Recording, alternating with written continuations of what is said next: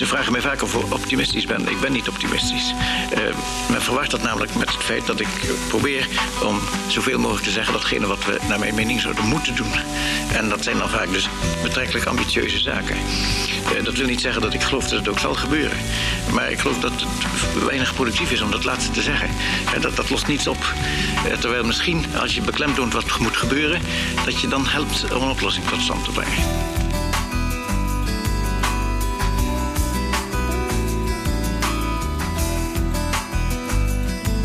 Welkom bij de laatste aflevering van de podcast Timbergen en de Economie van Morgen. Mijn naam is Esther van Rijswijk en samen met Jasper Lucchese, hoofdredacteur van ESB, host ik deze podcast.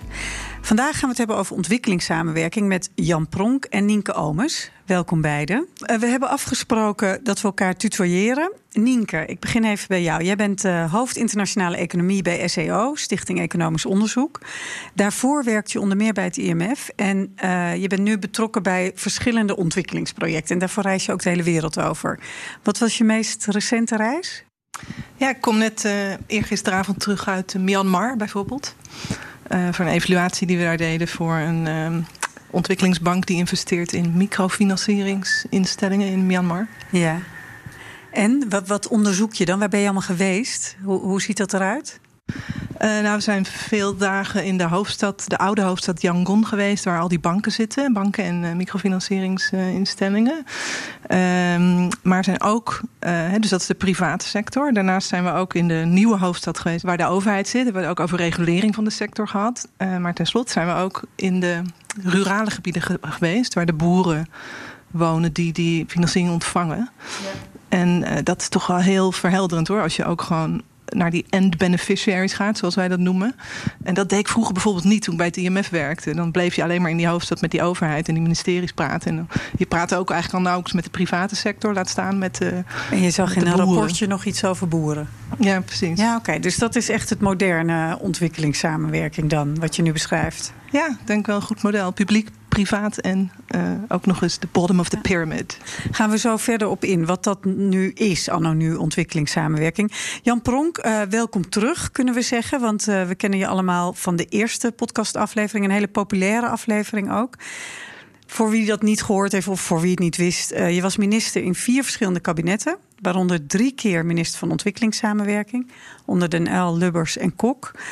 Um, en ik heb begrepen dat je ooit je masterthesis over ontwikkelingssamenwerking schreef, maar niet omdat je dat nou toen meteen zo interessant vond. Ja, tot op zekere hoogte. Want het onderwerp van mijn, uh, mijn, uh, mijn essay, thesis, uh, scriptie heette dat destijds, was de optimale economische orde.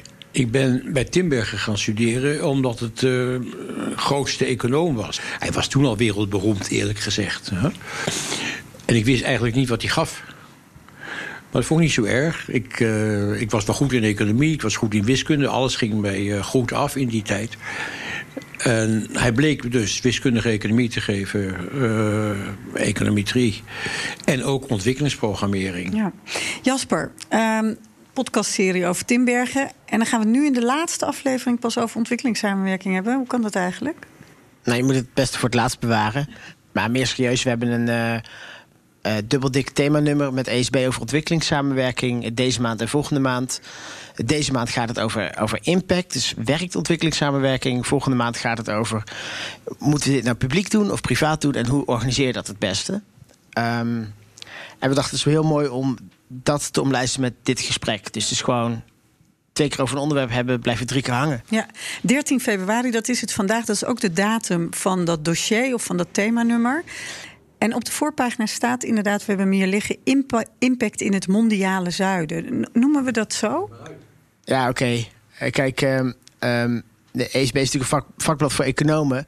En een belangrijk onderwerp is, uh, zeker op dit thema, impactmeting. Dus werkt uh, het, de projecten die je doet en heeft dat, leidt dat tot ook de resultaten niet alleen op de intermediaire doelen. Dus we hebben zoveel schoolboeken verstrekt en zoveel muggennetten verstrekt, maar werkt het ook op de uh, einddoelen. Dus mensen halen, uh, scholieren halen betere cijfers, gaan vaker naar school, de gezondheid is beter. Da daarom impact.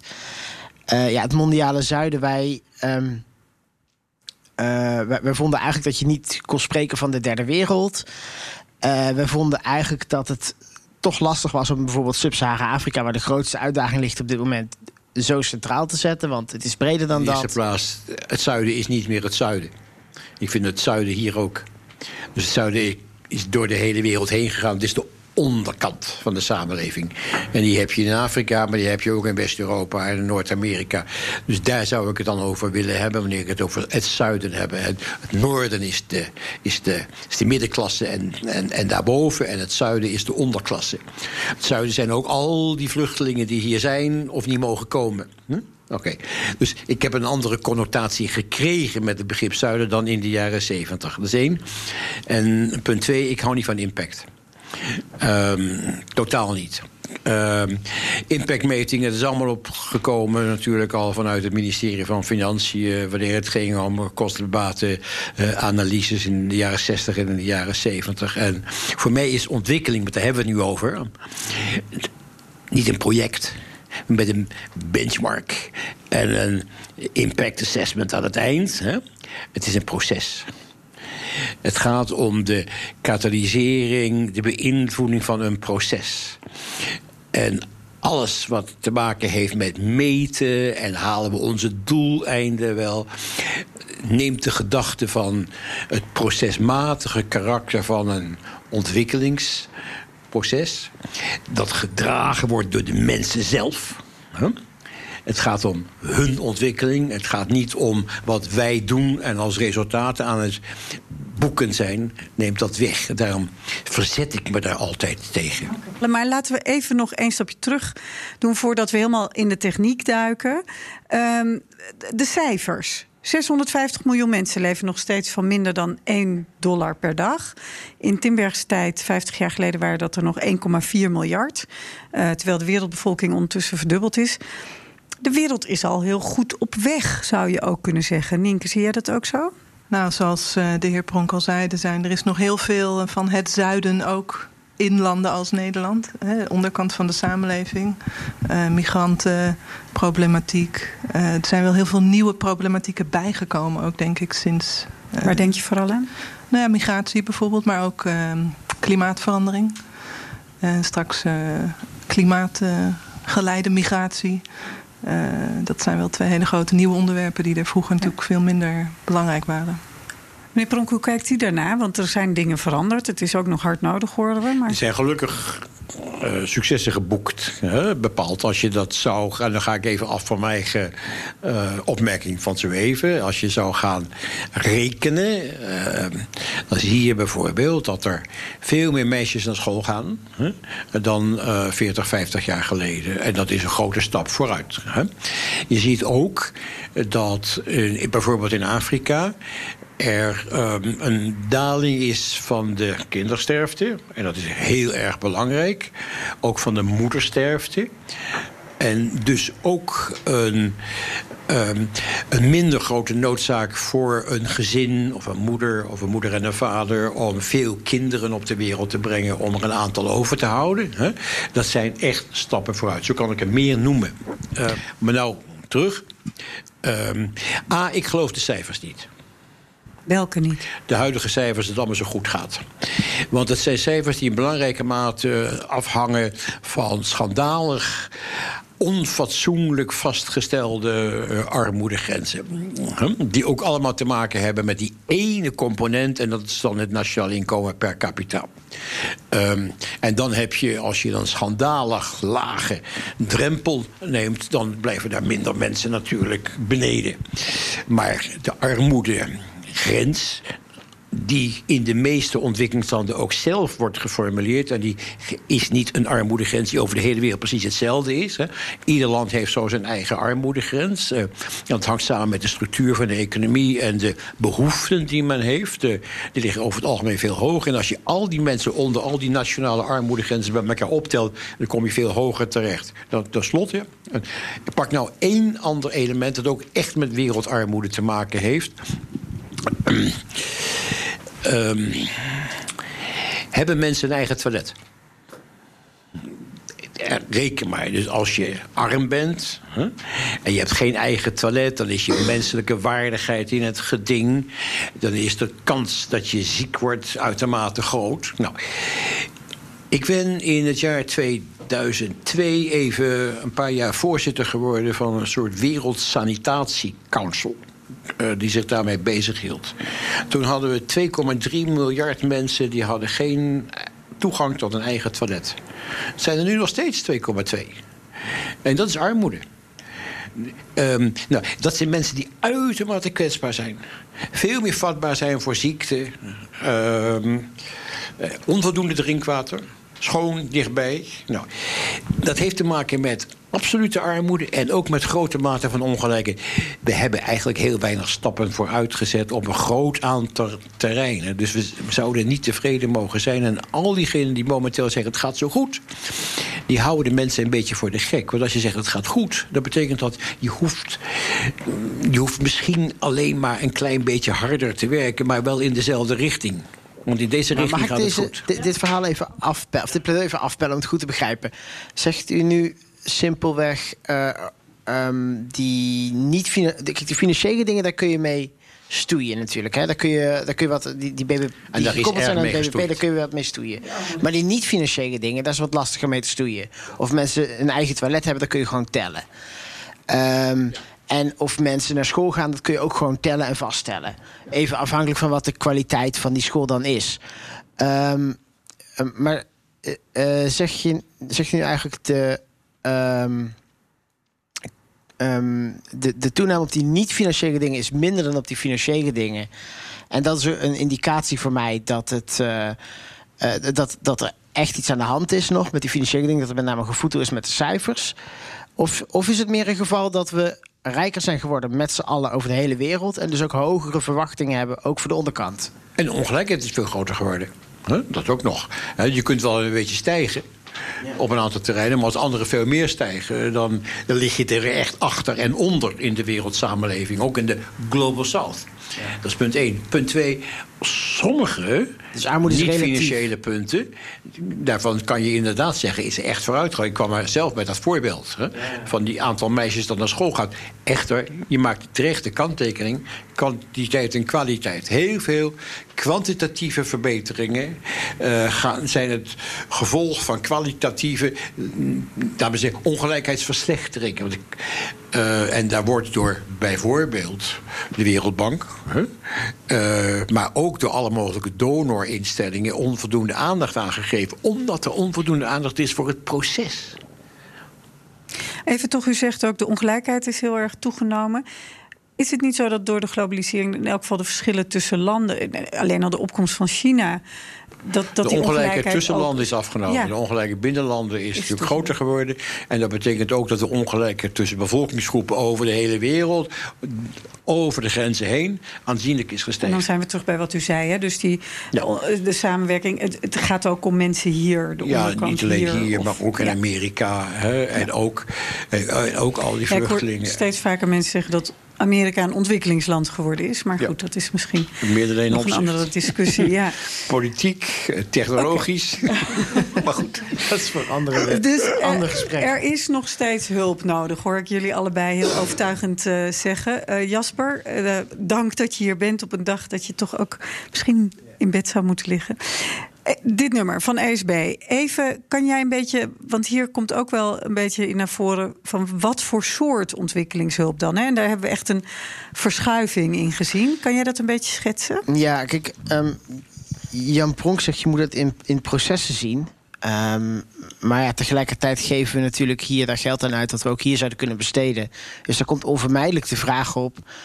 Um, of het geld wat we hier aan die ontwikkelingsprocessen of projecten besteden, goed besteed wordt. En dan zie je een heel uh, kentering in, in, in, in, denken. Die, uh, nou ja, je ziet een soort slingerbeweging. Um, waarbij het eerst heel erg macro-economisch is, is ingezet. Het, het, het, land moet op orde gebracht worden en er moet dan geïnvesteerd worden. Er moeten programma's mee worden samengewerkt. En op een gegeven moment um, is er dan best wel veel twijfel of dat wel goed terechtkomt en of dat wel een, een, een effect heeft of dat het niet gewoon um, de mensen die daar het geld krijgen rijker maakt en verder weinig doet. En dan krijg je de beweging um, naar steeds meer uh, en steeds beter meten van het effect van dat van, van, die, van die bestedingen. Dat heeft uiteindelijk geleid tot um, bijvoorbeeld de, de, de, constatering van, um, van Banerjee bijvoorbeeld... dat um, microkredieten over het algemeen niet zo effectief zijn... Maar dat een aantal andere dingen verrassend effectief zijn. Bijvoorbeeld die ontwormingspillen is een standaard voorbeeld, denk ik, uit de, uit de literatuur. En nu zie je dat Banerjee en De Flow en Kramer dus daar de erkenning voor krijgen. Die hebben in november de Nobelprijs gekregen voor de economie, voor hun werk aan effectmeting met name. En de wereldwijde beweging die ze daar hebben opgezet. Uh, zie je ook dat de kritiek daarop natuurlijk wat uh, gehoor vindt. En, en, die is eigenlijk op het moment dat je alleen maar op projectbasis werkt, mis je misschien het grotere plaatje. Nou, die discussie hebben wij in dit thema nu wel proberen neer te zetten. Ja, en die gaan, moeten we hier denk ik ook ja, verder gaan uitdiepen. Ja, graag. Als we naar jouw carrière kijken, hè, want we zien dus heel grofweg begonnen met dat macrobeeld van Timbergen en ook uh, uh, uit de tijd van, van Jan Pronk, denk ik. Jij zat bij het IMF was ook een macrobenadering, beschreef je net. En kwam uiteindelijk, nu zit je veel meer op projectniveau te kijken en ook die impact te meten. Waar, waar lag dat omslagpunt, denk je? Of is dat een heel geleidelijk proces in de tijd? Ja. Uh, nou, ik denk in Nederland lag dat heel duidelijk, uh, volgens mij in 2012, hè, toen een nieuwe regering kwam.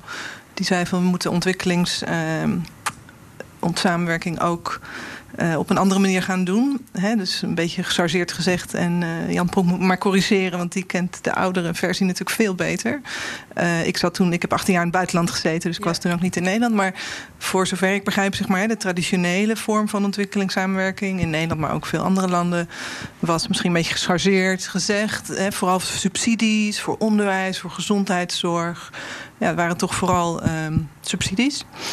Um, Terwijl op een gegeven moment, ik denk in Nederland, dan met name in 2012, is die omslag gekomen van hé, hey, um, het moet publiek-privaat. En het gaat nu om leningen en investeringen in bedrijven, eh, MKB, kleine bedrijfjes in ontwikkelingslanden, in banken ook. Uh, en dat is volgens mij een hele grote omslag geweest.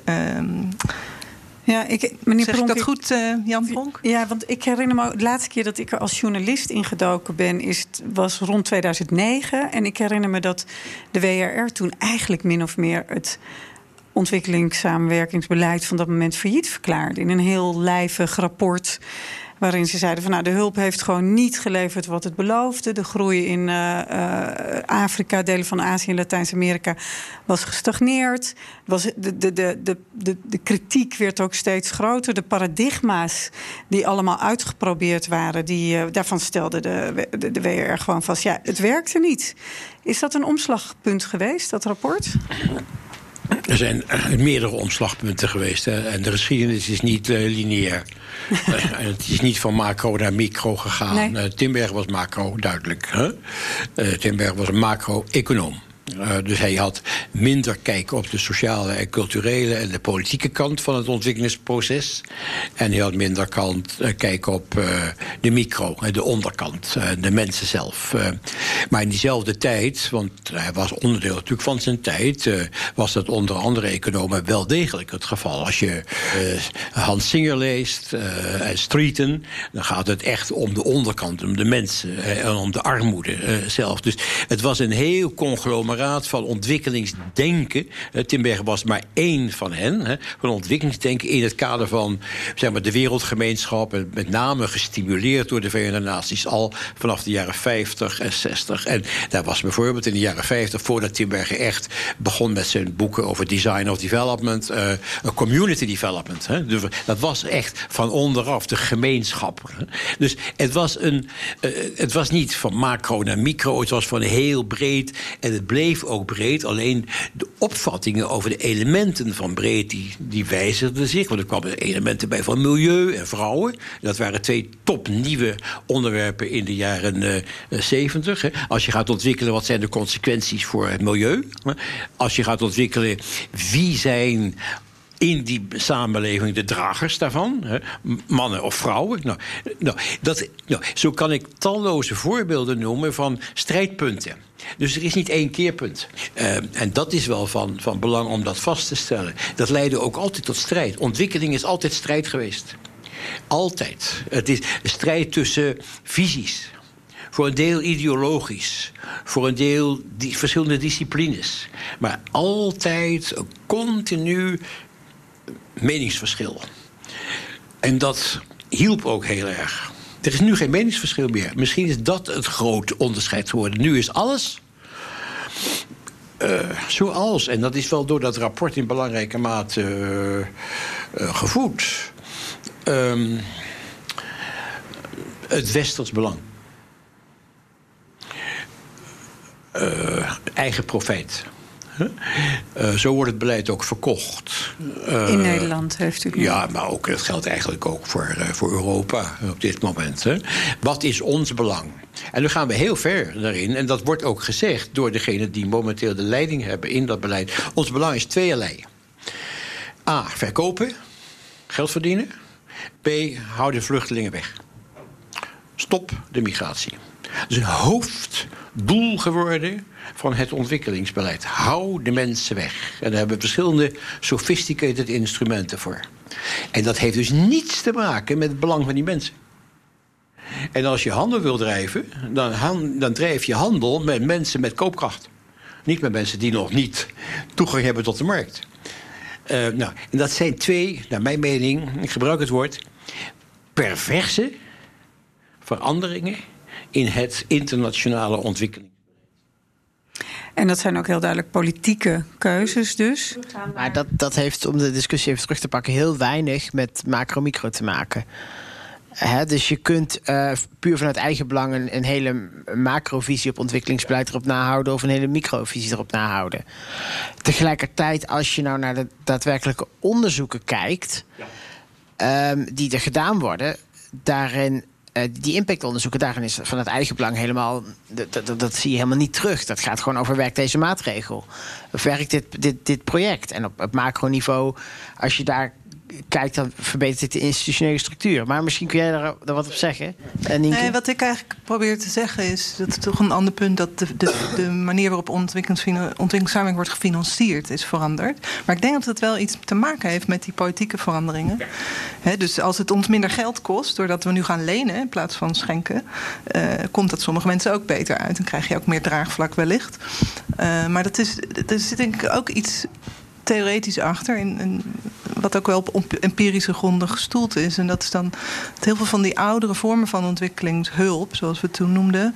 Um, hij was niet um, duurzaam. Ik bedoel niet het milieu, maar hij was niet uh, sustainable. Omdat als je gewoon uh, voedsel uitdeelt of uh, geld schenkt aan overheden, ja, dat doe je één keer en daarna is het op en dan moet je het nog een keer doen. tenzij er structurele veranderingen en processen gaan veranderen, waardoor dat op een gegeven moment overheden zelf dit kunnen financieren. En dat is denk ik wel positieve verandering die uh, nou, met name het afgelopen decennium, denk ik, heeft steeds meer, is steeds meer op de voorgrond gekomen van hoe maken we al die ontwikkelingsprogramma's nou financially sustainable. Dus dat ze zichzelf kunnen bedruipen. Dus dat we niet alleen uh, in het verleden gaven dan misschien, en dat doen mensen nog steeds, zaden aan boeren. Betere zaden, zodat ze hogere oogsten kunnen krijgen. Um, nou ja, dat kan je één keer doen en daarna zijn die zaden weer op, tenzij ze ze gaan veredelen. Um, vervolgens uh, zijn, ze hebben, zijn we gezegd, we moeten gaan trainen. Nou, dat blijft dan misschien hangen. Maar ja, op een gegeven moment, hè, mensen krijgen training, gaan daarna weer iets anders doen of gaan dood. Of uh, hè, dat, die training is ook niet, lang niet altijd duurzaam. Toen hebben we gezegd, nee, we moeten financiering geven aan die mensen, zodat ze zelf die training kunnen gaan inkopen of die zaden kunnen gaan inkopen. Maar ook dat is niet sustainable als die financiering, waar komt die financiering dan vandaan? Dus nu de laatste slag is dan van nee, we gaan investeren in banken en in microfinancieringsinstellingen, zodat die tegen markttarieven gaan lenen. Dat er een markt ontstaat voor die financiering. Dat er een markt ontstaat voor die zaden bijvoorbeeld. En alleen dan is het uiteindelijk sustainable. Als jij er weer uitstapt, uh, dan kan de markt het verder dragen. Nou, ik heb drie opmerkingen daarover. In eerste plaats, uh, dan gaan we naar Timbergen terug. Hè. Het ging Timbergen niet om de hulp. Het ging om de strategie.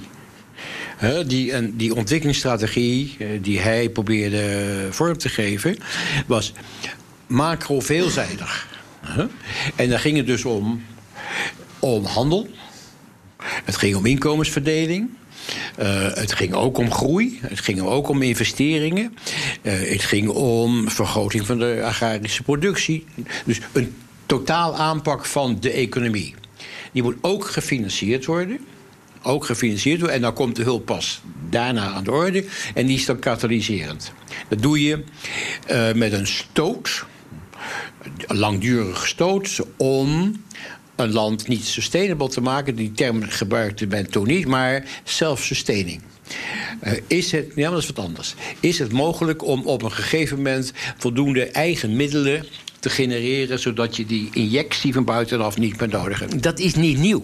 Dat was toen al. En hulp is niet zo belangrijk. Het gaat om die totale aanpak. En als je alleen maar. Ik heb dat toen ik minister werd in 73 als eerste term gebruikt op een eerste persconferentie. Hulp is. Als het alleen maar een doekje voor het bloeden is. en het bloedenstep wordt niet gestelpt. dat kan je alleen maar doen op een systematische manier. Hè, uh, dan heeft het geen enkele zin. Uh, want dan vergroot het nog de problemen. Nou, het tweede is. Natuurlijk werd er toen ook al geïnvesteerd. We hebben de FMO opgericht. Dat heb ik niet eens gedaan, dat heeft mijn voorganger gedaan. Uh, en dat was investeren uh, in ontwikkelingsbanken.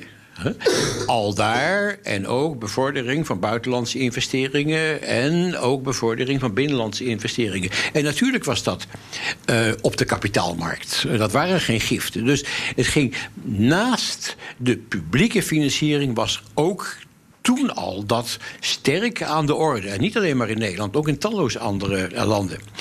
En dan het laatste. Sustainable. Waar moet iets financieel sustainable zijn? Onderwijs en meisjes is heus nooit financieel sustainable. Never. Never. Nee, en in Nederland is de gezondheidszorg en de verbetering en de stadsvernieuwing ook never financieel sustainable. Je zult dus, en dat is het mooie van Timbergen, je zult dus een optimaal systeem moeten hebben van besluitvorming. Wat is publiek? Wat is publiek-privaat en wat is privaat? En de verandering die is opgetreden is nu... eigenlijk moet alles privaat en niks meer publiek. En dat is het verraad aan mensen... die eigenlijk alleen maar lotsverbetering kunnen meemaken... wanneer er ook publiek geld is. En dat zijn helaas belastinginkomsten van andere landen hè, en dus giften. Ik, ik, ben wel benieuwd naar jouw reactie, Nienke. Want jij zegt ja, inderdaad. Nee, ik ben het helemaal mee eens met het punt dat het nu soms te ver doorslaat. En dat ineens alles privaat moet en alles moet sustainable zijn. En revolvable, revolving funds. En alles moet terugbetaald worden. En alles moet tegen commerciële tarieven mogelijk zijn. Nou ja, als dat zo zou zijn, dan zou de markt alles al oplossen. Hè?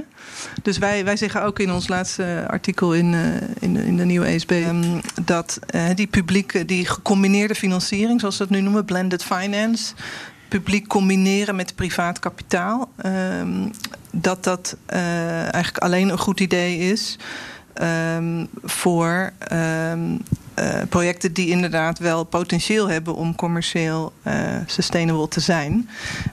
en er zullen natuurlijk altijd projecten en ook gewoon hele sectoren zijn die dat niet zullen worden. Waar, ik denk dan met name aan onderwijs, basisonderwijs en gezondheidszorg daar kun je dat niet van verwachten. Dus um, wij zeggen ook inderdaad dat je juist voor bepaalde landen of sectoren of onderwerpen moet zeggen van hey, dit is nou echt een geval waar het nu niet commercially sustainable is, uh, niet uh, commercieel levensvatbaar. Het is ook niet zo dat met een beetje overheid ingrijpt dat, dat het binnenkort commercieel levensvatbaar wordt. Dus daar kan je dan besluiten als je het belangrijk vindt om subsidie te geven. maar er zijn misschien andere gebieden waar wel met een beetje extra push van met overheidsgeld op termijn commercieel levensvatbaar kunt maken. En als je dat kunt, heb je potentieel een veel grotere impact. Want dan neemt de markt het over. Ik hou niet van het woord subsidie. We zijn bezig met publieke financiering.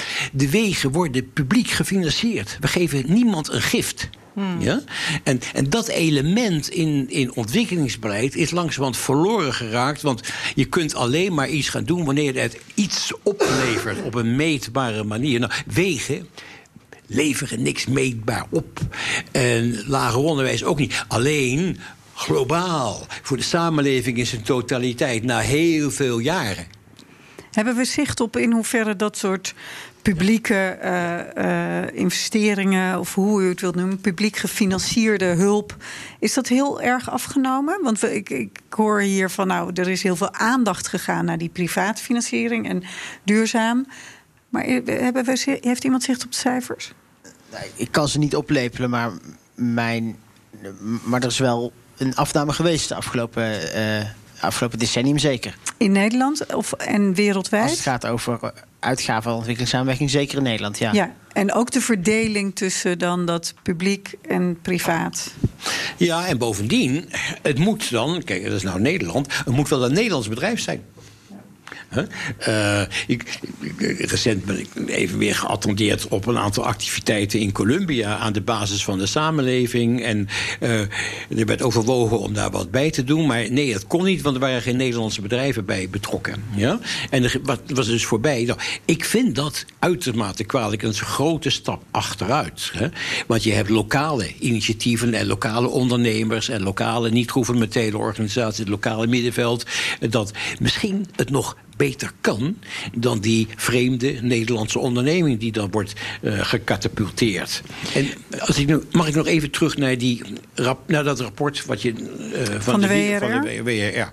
Kijk, er staan schitterende aanbevelingen in. Maar de, maar de theorie, en daar heb ik heel veel kritiek op. Ze definiëren ontwikkeling. Uh, bladzij 49. Um, wat staat daar? U heeft het beter gelezen dan ik. Ja, ik ken het. Ontwikkeling, eh, ontwikkeling is verandering, hè? modernisering. Hoe? Op de manier waarop wij het in het Westen hebben gedaan. Ontwikkeling is modernisering en verwestersing. En dat is het dus exact niet. Modernisering is een westers begrip. En of men zich in, in Myanmar wil moderniseren. En of iedereen zich wil moderniseren. En wat men onder modernisering verstaat, is aan hen. En niet aan ons. En verwestersing, zoals wij het hebben gedaan. Wij hebben, en wij moeten niet onszelf als voorbeeld stellen. Wij hebben het gedaan op een kapitalistische manier. We hebben het gedaan op een wijze waarbij we andere landen hebben onderdrukt. Ze zijn er goed van, beter van geworden. En we hebben het ook gedaan door natuurlijke hulpbronnen en het milieu volkomen te verwoesten. Nou, alsjeblieft, zeg ik tegen Afrikaanse en Aziatische landen, doe het niet op de westerse manier. En op die westerse manier is dus met moderne technologie en westers kapitaal en, en dergelijke op een financially sustainable manier. Nou, um, en daar verzet ik me tegen. Want u hebt aan het begin van, uh, van dit gesprek een, uh, een passievol betoog gehouden. En u zei: Ik hou niet van impact en ik hou niet van projectmatig. Ik vind dat we daar ook. Als even, maatgevend, hè? Als, Als maatgevend, uiteraard. Ik ben ook wetenschapper en ik wil graag weten wat er gebeurt. Hè? Maar het moet niet de uiteindelijke beslissing definitief beïnvloeden. Hè? Als je van... kunt berekenen en meten. Hè? Met berekenen en meten kan je ook heel erg veel manipuleren. Je wilt ook ruimte houden voor dingen die je niet kan Kijk, berekenen en meten. wat vond u van de Nobelprijs voor Duflo en voor het trio. Wat vond u Ik ben een groot voorstander van die, uh, die, die, trial uh, and error metingen. Zeker. Want het grote voordeel daarvan is dat je iets probeert in een lokale context. en je gaat het niet tegelijkertijd heel groot aanpakken. maar je bekijkt, je experimenteert. En daar kun je mee, mee spelen, beleidsmatig. en dan kan je kijken of het misschien een, feedback is waar die je kunt verbeteren. En dan kan je het elders ook gaan toepassen. Dus daar ben ik een groot voorstel. Dat is micro. En voor de mensen die, die die aanpak niet kennen, wat, kunt u of iemand van jullie een mooi voorbeeld geven van waar hebben we het dan over? Ja, er zijn natuurlijk heel veel experimenten gedaan. Dat, het woord alleen al, hè, dat klinkt niet heel fijn, maar dat is dan de experimentele benadering, waarbij je dan bijvoorbeeld uh, aan bepaalde. Um, uh, hoe noem je dat? Applicants wel uh, stel je hebt een microfinancieringsinstelling, die geeft duizenden, tienduizenden leningen in een jaar uit. Hele kleine leningen zijn dat van 100 dollar of minder. 100, 200 dollar soms. Uh, er zijn experimenten geweest waarbij uh, je dan die instelling zover krijgt om te zeggen: Oké, er zijn zoveel uh, voorstellen en er is veel meer vraag dan aanbod. Dus dan gaan we iedereen die in aanmerking komt, die aan de criteria voldoet, gaan we random gaan we de helft wel financiering geven en de helft niet. Nou, normaal krijg je geen enkele bank zo gek om dat te doen. Uh, maar met microfinanciering, ook omdat het hele grote aantallen zijn, kleine uh, bedragen, uh, vraag veel groter dan aanbod, is dat vaak wel mogelijk. Dus daarom zijn daar veel experimenten mee gedaan. Met banken is dat veel moeilijker. Um, en dan ga je die bedrijfjes die die financiering krijgen, ga je dan volgen over de tijd. Dus je doet eerst een baseline survey. kijk je hoe zijn ze er in het begin aan toe voordat ze die lening krijgen. Uh, degene die wel die lening krijgen en degene die niet die lening krijgen. En dan uh, op een gegeven moment doe je dan een endline. Of je kan ook nog een midline in het midden doen.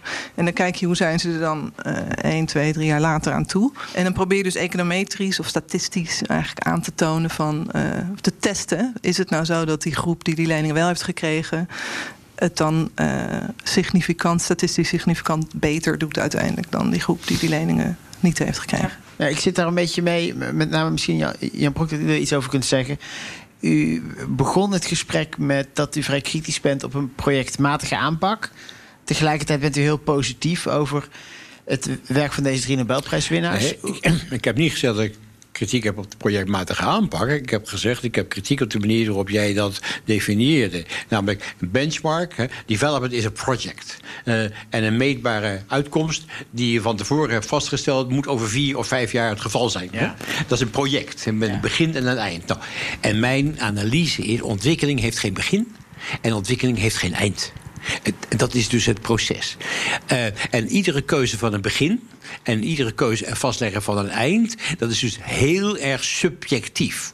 Ontwikkeling, als je dus beleid gaat voeren, hè, uitgaande van die analyse van een proces, is maatwerk. Het zal dus overal moeten worden aangepast aan de heel specifieke omstandigheden. Dan is jouw vraag: hoe maak je daar beleid van? Uh, ja. je, je ik ben een groot voorstander van slow development. Doe het langzaam. Dat heeft te maken met dat proces. Doe het langzaam. Als je het snel doet, met veel grote schaal, veel van buitenaf. Ja? Je kunt uit sommige landen ook te veel hulp geven. Als je het snel doet, dan kan je niet meer van je fouten leren. Het is van groot belang om iets langzaam te doen, waardoor je iedere keer een stapje terug kunt zetten of een stapje opzij kunt zetten. Uh, en dat vind ik ook het voordeel. Het lijkt een beetje op wat uh, Duflo en Banerjee brengt. Dat is ook, eigenlijk is dat slow en small. Ik hou van slow en small. En voor big heb je dan de systeemverandering. Oké. Proef ik toch een ondersteuning inderdaad voor dat voor die microbenadering en het experimenteren. En ja, van daaruit langzaam naar macro vertalen. Uh, als we dat nou allemaal heel goed doen, uh, Nienke, Jasper, ja, jullie allemaal, hoe, hoe, waar zijn we dan over tien jaar? Wat hebben we dan erbij geleerd? Of wat kunnen we dan beter? Nou, ik denk dat we de komende jaren gaan leren dat de uh, focus op het regelen via de kapitaalmarkt en ehm, het, het, het verbinden met eigen belang voor sommige soorten groepen niet gaat werken. Dus dat we dan toch weer eh, een stap terug gaan zetten op dat front. Ja, denk ik ook wel. Met name wat betreft onderwijs en gezondheidszorg. Denk ik dat er uh, veel mensen zijn die zeggen... Hey, dat hebben we toch niet goed gedaan, dat we dat bijna hebben afgeschaft. Uh, die vorm van ontwikkelingssamenwerking, dat dat weer terug moet komen. Um, maar nou ja, het belang van het betrekken van die private sector en het privaat kapitaal is wel echt cruciaal. Hè? Want de, de, de, de SDG-gaps uh, zijn enorm. En dat is ook berekend dat uh, onder de huidige veronderstellingen... van wat we weten, wat, wat er beschikbaar is... qua publieke en private investeringen... gaan ze nooit gehaald worden. Dus er moet vanuit... er is gewoon niet genoeg publiek kapitaal... dus er moet privaat kapitaal bij... En daarom ben ik wel. Voldoende publiek kapitaal als je het maar. Uh... En maar één, één vraag is hoeveel belasting wil je innen? Dat is gewoon een politieke vraag. De tweede vraag is hoe efficiënt kun je die belasting euro benutten? En dan denk ik dat we wel meer nadruk moeten leggen op katalyserende projecten. Projecten die, die potentieel hebben om katalyserend te zijn in de zin dat ze privaat kapitaal aantrekken. Uh, ik vind het heel van mooi. de grote problemen voor ontwikkelingslanden momenteel is klimaat en biodiversiteit en de bossen die kapot gaan en dergelijke. Dat kan je niet met particulier kapitaal op de leen. Dat kan echt niet. Daar zul je dus grote internationale fondsen voor moeten hebben... die met belastinginkomsten van alle mogelijke landen... ook uit ontwikkelingslanden trouwens... Hè, want er is gigantisch veel geld in ontwikkelingslanden... dat niet wordt gebruikt. Hè, dan zul je dat zo moeten financieren. En dan kan je die... Je kunt geen bossen overeind houden in de Amazone op basis van de gedachte: uh, wat is de financiële sustainability daarvan? Nee, alleen maar wat is de sustainability daarvan voor onze kleinkinderen om te kunnen overleven? Nou, dat soort maatstaven hebben we veel meer nodig. Ja, maar als u dus zegt: uh, we moeten niet meten of het werkt. Of we moeten, die moeten in ieder geval niet leidend zijn. We moeten niet anderen voorschrijven, andere landen voorschrijven hoe ze zich moeten ontwikkelen. En het eigen belang moet niet per se voorop staan. Hè, dat we verplichten dat het geld voor besteed wordt aan Nederlandse bedrijven. Dan is toch wel de vraag: hoe overtuig je dan de mensen hier dat het geld daarheen moet? Ik ga even voorbij aan niet meten. Je wil wel weten wat, wat ja, ja, niet leidend zijn. Ik, precies, maar, okay. ik, ik zei het nou, eerste instantie verkeerd. Ik ben als politicus en beleidsmaker niet geïnteresseerd in de vraag of er een draagvlak is. Om twee redenen. In de eerste plaats, dit gaat natuurlijk om beleid ten gunste van mensen buiten. Hm? Um, die vluchtelingen of die arme bevolkingsgroepen daar ver weg. Ik wil graag weten wat zij willen. Ik ben, onder, ik ben ook een globalist, ik ben een world citizen en wat dan ook. Ja? Dat is voor mij van belang. Tweede plaats. Ik geloof dat je een verhaal hebt te vertellen als politicus naar je eigen samenleving. om op de een of andere manier duidelijk te maken wat het belang is, ook voor de mensen in onze eigen samenleving. Er zijn heel veel mensen niet geïnteresseerd in klimaat verbetering, want dat kost zoveel geld. Maar je kunt ze wel duidelijk maken, continu, dat het in hun belang is en hun kinderen en hun kleinkinderen dat het beleid toch wordt gevoerd. Um, en dan moet je maar visie ontwikkelen. Een politicus die zich laat leiden door een draagvlak, schiet tekort. En in de derde plaats, een goed verhaal van een goed politicus creëert draagvlak. Een draagvlak is niet iets exogeens dat bestaat en onveranderbaar is. Een draagvlak is maakbaar. Maar wat is die visie dan? Om het geld daar toch uit te geven. Kunt u dat in een paar woorden die duiden? Visie is, wat dat voor u is? De visie is eh, dat de toekomst van de Nederlandse samenleving sterk samenhangt met de toekomst van de samenleving in het Midden-Oosten en Afrika en dergelijke. Eigen belang. Huh? Dus eigen belang. Ja, maar wat anders dan financieel eigen belang dat in winst en dergelijke tot uitdrukking komt. Dat is eigen belang, ja. De ik weet zeker dat de belangen van mijn kleinkinderen daar ben ik zeer in geïnteresseerd. Hè, gediend zijn met een goed klimaatbeleid. waarbij we activiteiten ook financieren in Afrika en, en, en dergelijke. Dus ook dus langere termijn eigen belang van een niet financieel commercieel karakter. dat in je beurs tot uitdrukking komt. Hè.